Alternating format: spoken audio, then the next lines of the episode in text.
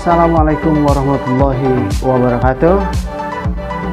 Kita jumpa lagi teman-teman semuanya di program kita yaitu Monday Morning Coaching episode ke-12 dengan tema 3 strategi mengelola kehidupan pribadi yang efektif.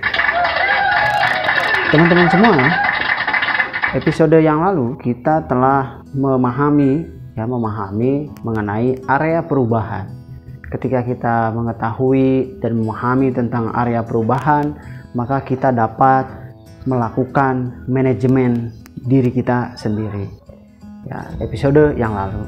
Hari ini kita akan bahas mengenai tiga strategi bagaimana mengelola pribadi secara efektif ya, kehidupan pribadi secara efektif. Tiga strategi. Kenapa dipilih tiga strategi ini? Karena tiga strategi ini ini hal yang sangat penting. Sebetulnya ada 10 urusan ya, 10 urusan kalau misalkan di dunia eh, psikologi atau dunia uh, luar sana pemberdayaan diri itu ada 10 area kehidupan atau disebut dengan life well. Temanya bisa disebut dengan life well balance ya. Keseimbangan roda kehidupan. Kehidupan itu ibaratkan roda. Roda, nah roda itu ada jerujinya, ada jari-jarinya ada 10 area. Kalau misalkan teman-teman beli pizza gitu bulat gitu bundar. Bulat apa bundar? Ya pokoknya begitulah ya. Kemudian dipotong dipotong itu ada 10 bagian. 10 bagian. Bedanya bedanya itu ketika teman-teman konsentrasi di potongan yang mana nah itulah prioritasnya. Ngambil yang di ujung depan sini. Misalkan ini adalah urusan kerjaan. Maka sesungguhnya urusan pekerjaan itu menjadi urusan yang prioritas bagi teman-teman. Urusan yang lain enggak. Life well balance ya. Bulat ya. Enggak lonjong. Kalau lonjong berarti ada salah satu urusan yang sangat diprioritaskan.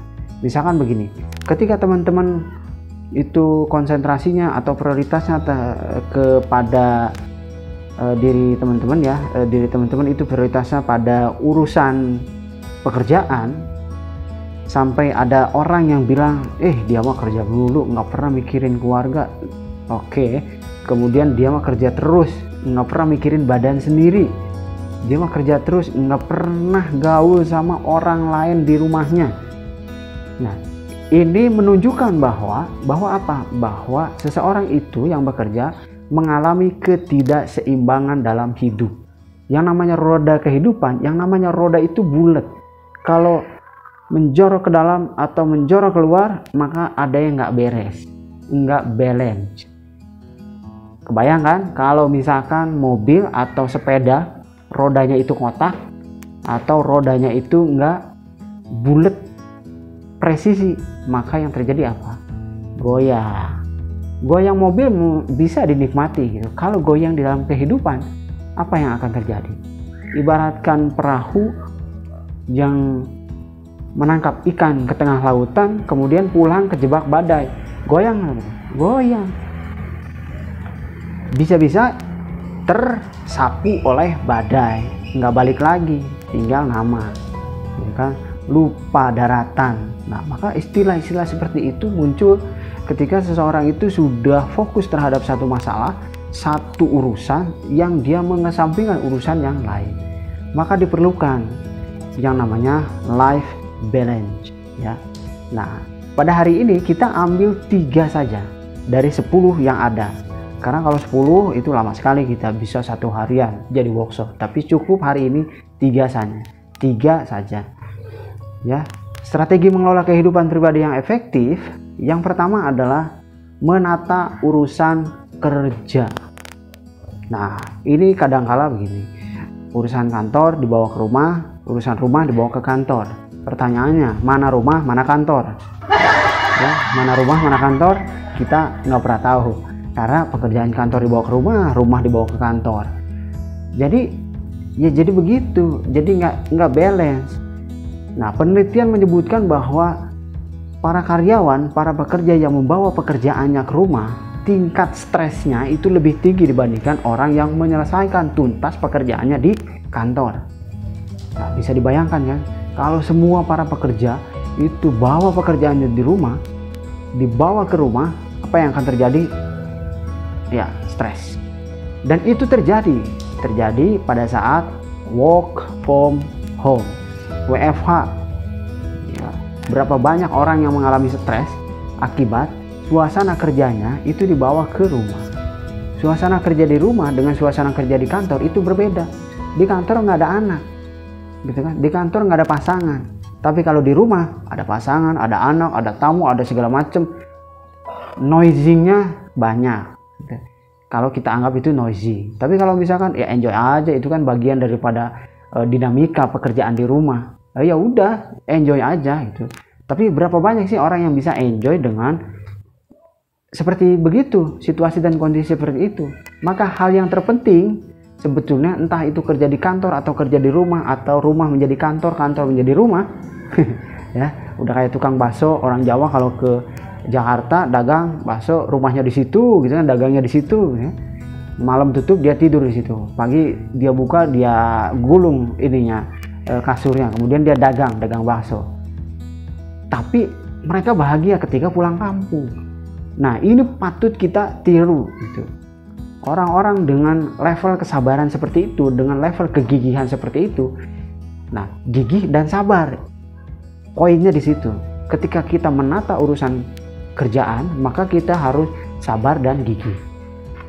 Mana-mana pekerjaan yang mesti tuntas atau yang uh, ya bagus lagi kalau misalkan semua urusan kantor itu adalah deadline, walaupun waktunya itu panjang misalkan. Ya anggap aja semua pekerjaan itu deadline Ketika semua pekerjaan deadline, maka secara emosional kita akan gigih menuntaskan pekerjaan tersebut.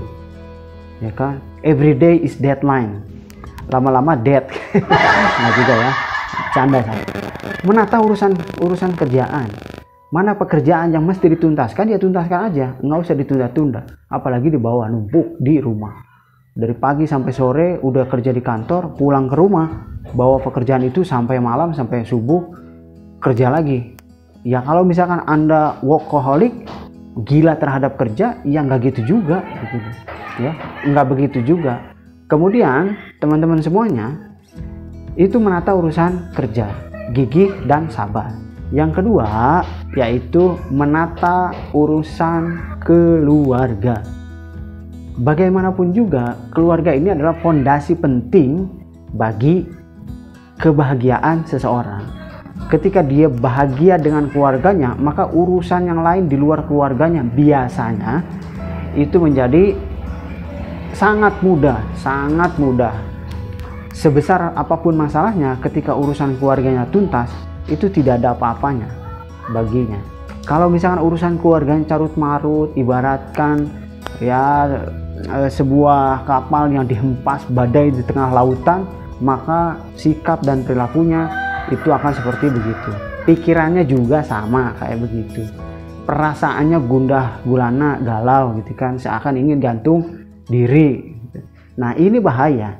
Kalau misalkan urusan kantor dia fokus sangat fokus terhadap urusan kantor kemudian dia beres menjadi star employee atau menjadi karyawan teladan ketika di rumah dia tidak ada harganya dia tidak dihargai atau dia tidak bisa ngurus rumahnya tidak bisa ngurus keluarganya anaknya entah ke mana ibunya entah ke mana istri suami entah ke mana ini juga akan menyebabkan pribadi itu akan tidak efektif tidak akan mengalami kebahagiaan.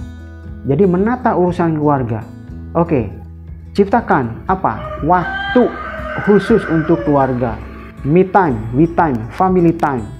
Gitu kan? Itu yang perlu diatur. Family time.